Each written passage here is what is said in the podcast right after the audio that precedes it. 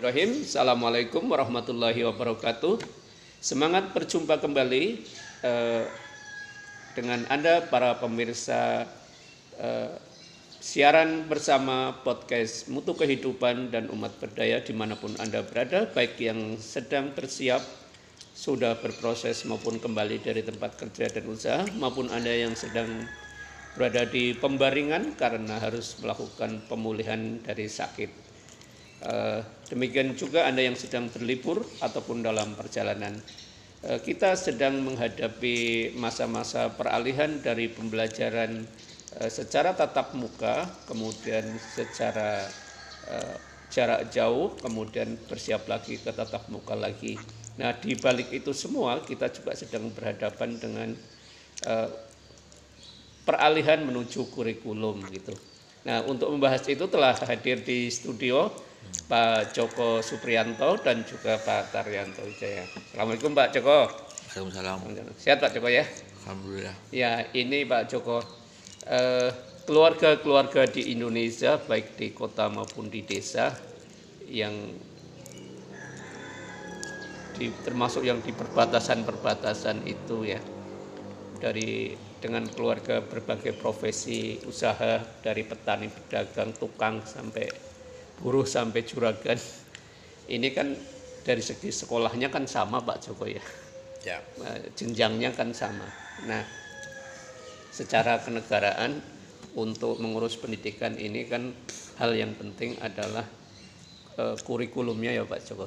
Kurikulum. Nah uh, selama ini uh, wacana kurikulum itu hanya menjadi wacanya teman-teman yang aktif di dinas pendidikan lah ya. Dinas pendidikan orang tua ini sering kali nggak tahu menau ini pak. Ini ini anaknya masuk sekolah mau di dijadikan sebagai apa nggak tahu. Gitu nah nah ini perubahan. Kalau secara singkat mungkin bisa disampaikan eh, kurikulum yang pernah ada gitu ya. Kemudian yang pernah ada dan kemudian periode evaluasi kurikulum itu tiap berapa tahun dan kemudian kurikulum yang terbaru atau yang akan datang gitu Pak. Silahkan Pak Joko. Baik. Uh, terima kasih Pak Taryanto. Silakan Pak Margono menikmati uh, kurma sukari ini sudah ada. Soalnya ini perjalanan ke Arab kan sudah dibuka. Umroh sudah mulai di apa dibuka juga, cuma kita menunggu jadwalnya dan sehingga pesawat-pesawat sekarang sudah sudah bisa masuk ke Arab Saudi sehingga sudah ada kurma lagi ini. Ya. Alhamdulillah. Terima kasih Pak. E, menjawab pertanyaan dari Pak Taryanto itu berkenaan dengan e, kurikulum ya. Jadi seingat saya karena kurikulum itu kurikulum itu berganti hampir setiap tahun itu berganti karena memang harus disesuaikan dengan eh, setiap 10 tahun 10 tahun, 10 tahun harus ganti eh, disesuaikan dengan situasi dan kondisi dan perkembangan daripada ilmu pengetahuan sendiri juga untuk eh, mengantisipasi perubahan zaman. Hmm. itu jadi mulai dari dulu namanya apa Pak Margono? Kurikulum 70, 76 ada kurikulum CBSA cara belajar siswa aktif. Ada kurikulum kurikulum uh, kurikulum sat, satuan pendidikan KTSP kurikulum satuan pendidikan kurikulum 2013 ya? 13 kurikulum apalagi namanya itu tergantung dari eh, saat itu siapa yang eh, memegang kekuasaan atau siapa yang diberi tugas itu. Nah intinya di perubahan itu bahwa kita harus melihat eh, apa ya perkembangan perkembangan dan situasi zaman yang saat itu berjalan. Saat itu berjalan. Sehingga ketika kebutuhan dan ke, kurikulum itu harus menjawab kebutuhan zaman. Hmm. dan juga merancang kebutuhan yang akan datang. Nah, itu. Hmm. jadi ketika misalnya dunia itu membutuhkan alih teknologi, tentunya kurikulum itu harus mengakselerasi diri untuk bisa bagaimana berkompeten terhadap teknologi itu. Apakah itu teknologi industri, teknologi informatika, teknologi pangan dan lain sebagainya. Itu harus menjawab bisa menjawab itu. Sehingga eh, sekarang kurikulum memang tidak stagnan tetapi dinamis. Namun ada satu acuan yang baku yang ditetapkan dalam satu periode tertentu. Saya kira itu, itu Oke, dulu Pak. baik Pak. Nah, terkait dengan perubahan-perubahan eh, kurikulum tiap 10 tahunan itu ya Pak Joko Hmm, ya. ya. Kan dilakukan dalam rangka menjawab kebutuhan eh, akan output pendidikan dan juga tantangan zaman waktu itu. Ya. Nah, bagi orang tua seperti saya Oh, Pak iya. Margono yang menyekolahkan anaknya kan sering kali nggak tahu ini kurikulumnya apa nih gitu, Pak. Yang penting nyekolah ke anak Nggak tahu. dasar menengah kayak gitu gitu kan. Ya. Nah sebenarnya apa yang eh, perlu disiapkan oleh para orang tua terkait dengan eh, kurikulum yang sedang berlaku di sekolah gitu Pak? Oh iya. Nah, ini. Iya, selama ini memang kita itu orang tua itu hanya sebagai user saja ya, Hmm. pengguna.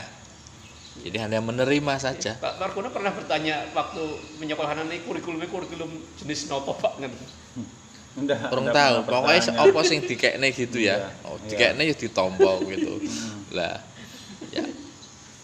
Ini memang harus bersinergi. Jadi kurikulum ke depan itu harus bersinergi. Apalagi ini ada infonya itu ada akan ada apa kurikulum baru yang namanya kurikulum paradigma baru.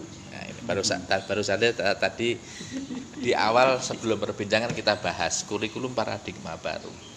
Artinya eh, kurikulum paradigma baru itu sebetulnya harus me, me- apa ya mengikut sertakan atau juga ikut Partisipasi partisipasi dari yang lain untuk bisa karena paradigma karena kan paradigma kan pemikiran baru. Ini harus baru itu bukan baru dari sisi para elit juga tetapi juga baru pada sisi para yang ada di grassroots gitu loh. Jadi kebutuhannya Pak Margono itu aku iki kebutuhannya ini wong tua kayak seperti ini. Ini harus ada di dalam kurikulum loh makanya kurikulum ini harus melalui satu studi harus melalui satu survei harus melalui satu eh, apa ya jajak pendapat dari masyarakat sehingga kurikulum itu bisa eh, mencakup dari seluruh kebutuhan dari sisi mana pun. Jadi dari sisi negara atau pemerintah atau dari sisi orang tua. Karena memang orang tua itu sangat terbatas apa pengetahuannya sehingga harus eh, di ama harus diusulkan juga. Ya, jajak pendapat itu harus oh, apa kebutuhannya lah. Sekarang anak kita mungkin karakter lah. Orang tua yang karakter yang mana yang yang yang harus disampaikan di kurikulum sesuai dengan eh, apa itu tadi? Sesuai dengan eh, keperluan orang tua yang ada di rumah. Itu pak Pak Leto. Ya kalau Pak Margono apa pernah sebagai orang tua waktu menyekolahkan hubungan antara orang tua dengan sekolah ha- hanya seperti apa Pak Margono? Iya, saya hanya memandang outputnya saja, Pak. Artinya eh, siswa siswa itu setelah keluar atau setelah lulus itu punya punya bekal kemampuan pengetahuan yang cukup. Kalau masalah kurikulum saya tidak begitu hafal karena bukan bidang saya. Mm.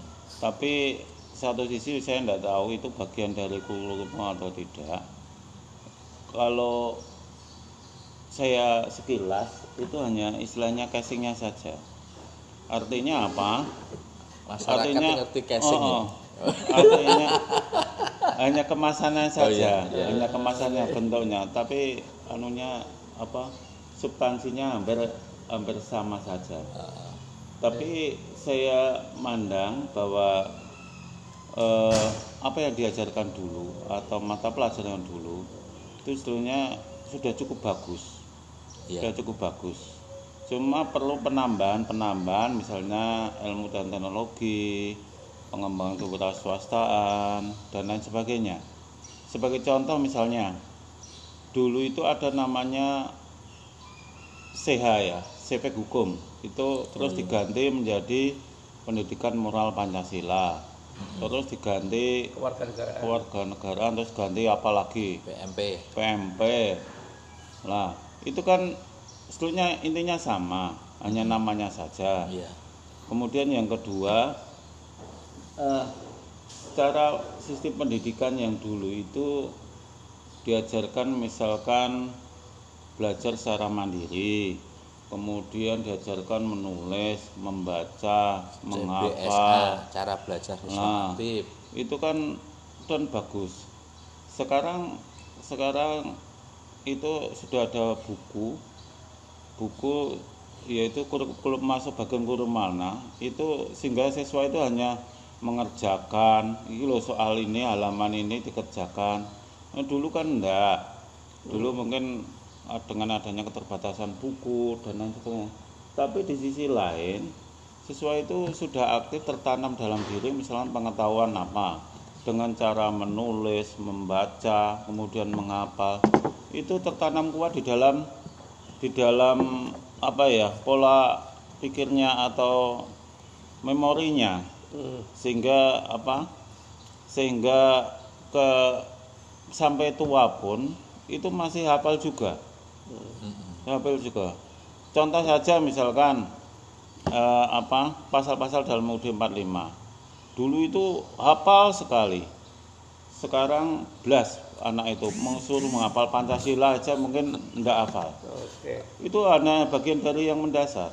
Ya oke. sehingga eh, apa casing casing casing itu sekarang apalagi ada wacana misalkan eh, agama dirubah menjadi akhlak dan budaya itu salah satu hal pergeseran yang yang apa ya Menurut- Wah, menurut saya itu adalah sesuatu yang yang kurang mengikis ya pas mengikis peran ah. agama di kurang di- pas ya, Oke, pas. baik Pak Marton.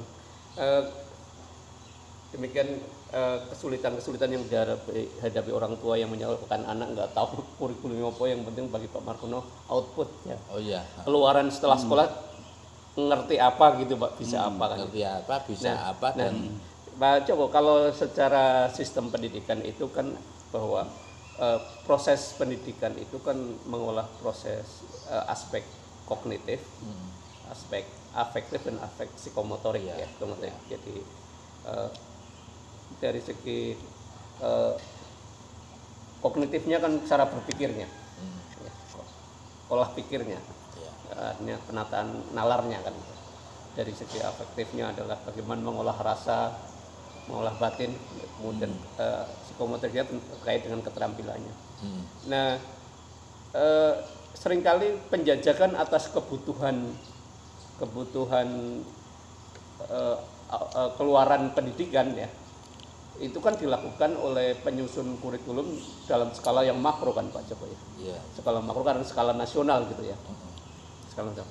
Tapi mungkin ini yang banyak orang tidak tahu untuk sampai kepada kurikulum nasional itu kalau disederhanakan sebenarnya prosesnya itu asesmennya lewat lewat lewat cara bagaimana sih Pak gitu. Penjajakannya untuk sampai menjadi kurikulum nasional tuh. nggak ada uji publik ya Ya sebetulnya eh, sesuatu kebijakan itu memang ada uji publiknya. Jadi seperti kurikulum 2013 kemarin atau KTSP dulu itu kan uji publiknya lama itu. Uji publiknya lama. Jadi draftnya disampaikan eh, terus nanti uji publiknya perbaikan di sini. Jadi pertanyaan dari Pak Tarento ya sudah juga ya bagaimana me- mengukur tadi ya Hmm. mengukur sukuri eh, kurikulum Nilai. itu bisa dipakai untuk secara nasional begitu ya. Iya. Ya. Jadi begini Pak Taryanta, jadi semenjak semenjak tidak diadakannya apa ujian nasional. Jadi tidak diajarkan ujian nasional itu itu bahwa untuk mengukur kompetensi anak memang eh, secara nasional ya, secara nasional tidak eh, tidak dilakukan. Memang tidak ada dan tidak tidak dilakukan. Dan itu untuk mengukur kompetensi dari secara nasional bergeser ke tingkat lokal. lokal ke tingkat provinsi ke tingkat satuan pendidikan. Dalam hal ini satuan pendidikan. Sedangkan satuan pendidikan sendiri itu standarnya standarnya berbeda-beda. Jadi standar mutu yang ada di satuan pendidikan yang ada di daerah satu dengan yang lain sekolah satu dengan yang lain itu berbeda. Itu setelah setelah tidak diadakannya ujian nasional atau UN itu. Namun demikian eh, asesmen yang dilakukan asesmen yang dilakukan itu memang sekarang ini selama ini ya akhir-akhir ini memang asesmen itu dilakukan oleh eh, sekolah itu sendiri satuan pendidikan itu sendiri. Dengan me, apa itu eh, dengan menerapkan budaya lokal atau karakteristik daerah tersebut. Jadi memang pemikiran dulu itu memang kalau senasional tetap tidak bisa karena apa?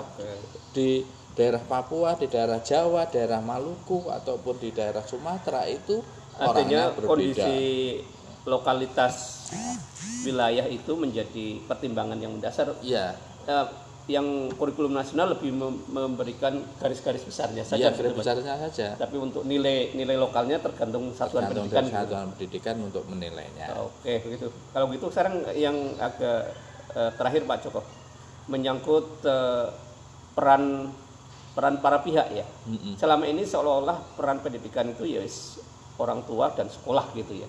Orang tua yang sekolah. Iya. Dalam kurikulum eh, pem- paradigma baru. Nanti Ya, paradigma baru itu apakah eh, masih seperti itukah ataukah ada perubahan pihak-pihak yang terlibat?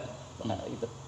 Ya, eh, sekarang untuk kurikulum paradigma baru itu menurut wacana atau pandangan dari beberapa yang sudah disampaikan itu bahwa itu akan meng- mengelaborasi, mengkolaborasi ya, mengkolaborasi dari sisi karakter, dari sisi apa budaya dan sisi ideologis. Oh, Ya.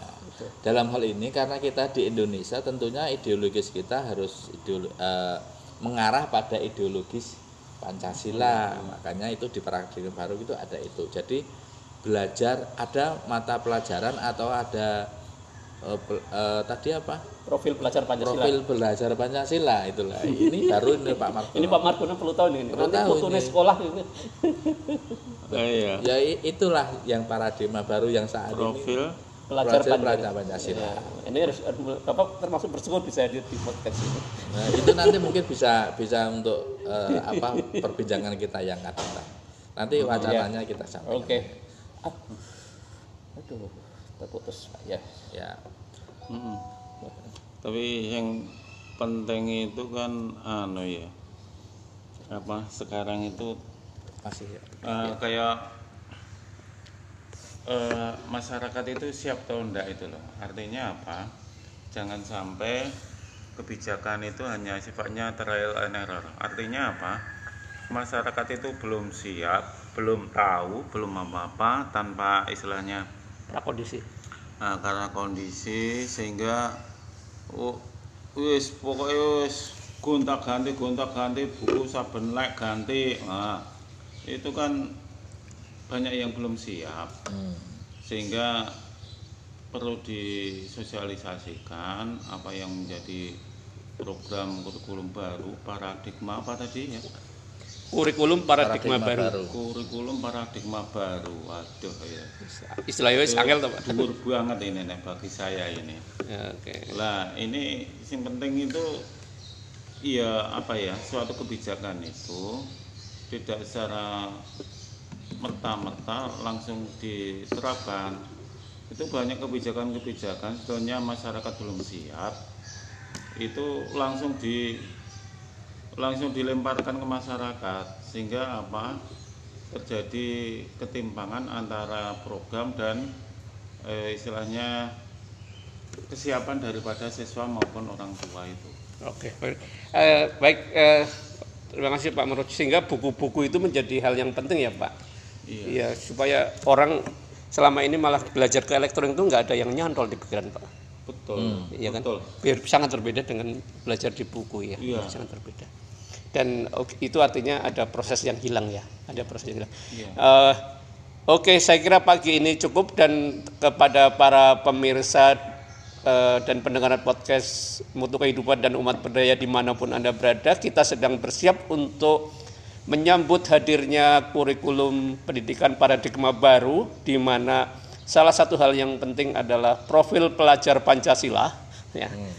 Eh, sebagai bentuk atau upaya untuk mendaratkan eh, ideologi Pancasila ke dalam kehidupan sehari-hari dan kepada budaya lokal. Dan yang tidak kalah penting adalah bahwa pada kurikulum baru ini nanti orientasi pembelajaran melalui kerja tim ya kerja tim atau kerja kelompok untuk proyek-proyek pembelajaran tertentu akan banyak dilakukan dengan demikian membutuhkan peran para pihak termasuk keluarga dan masyarakat untuk bisa terlibat untuk itu ya terima kasih Pak Joko dan Pak Margono atas partisipasinya semoga Saya mikir Ya.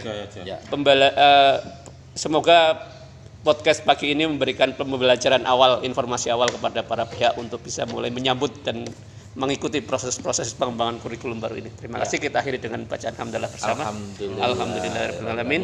Assalamualaikum warahmatullahi wabarakatuh. Waalaikumsalam warahmatullahi wabarakatuh.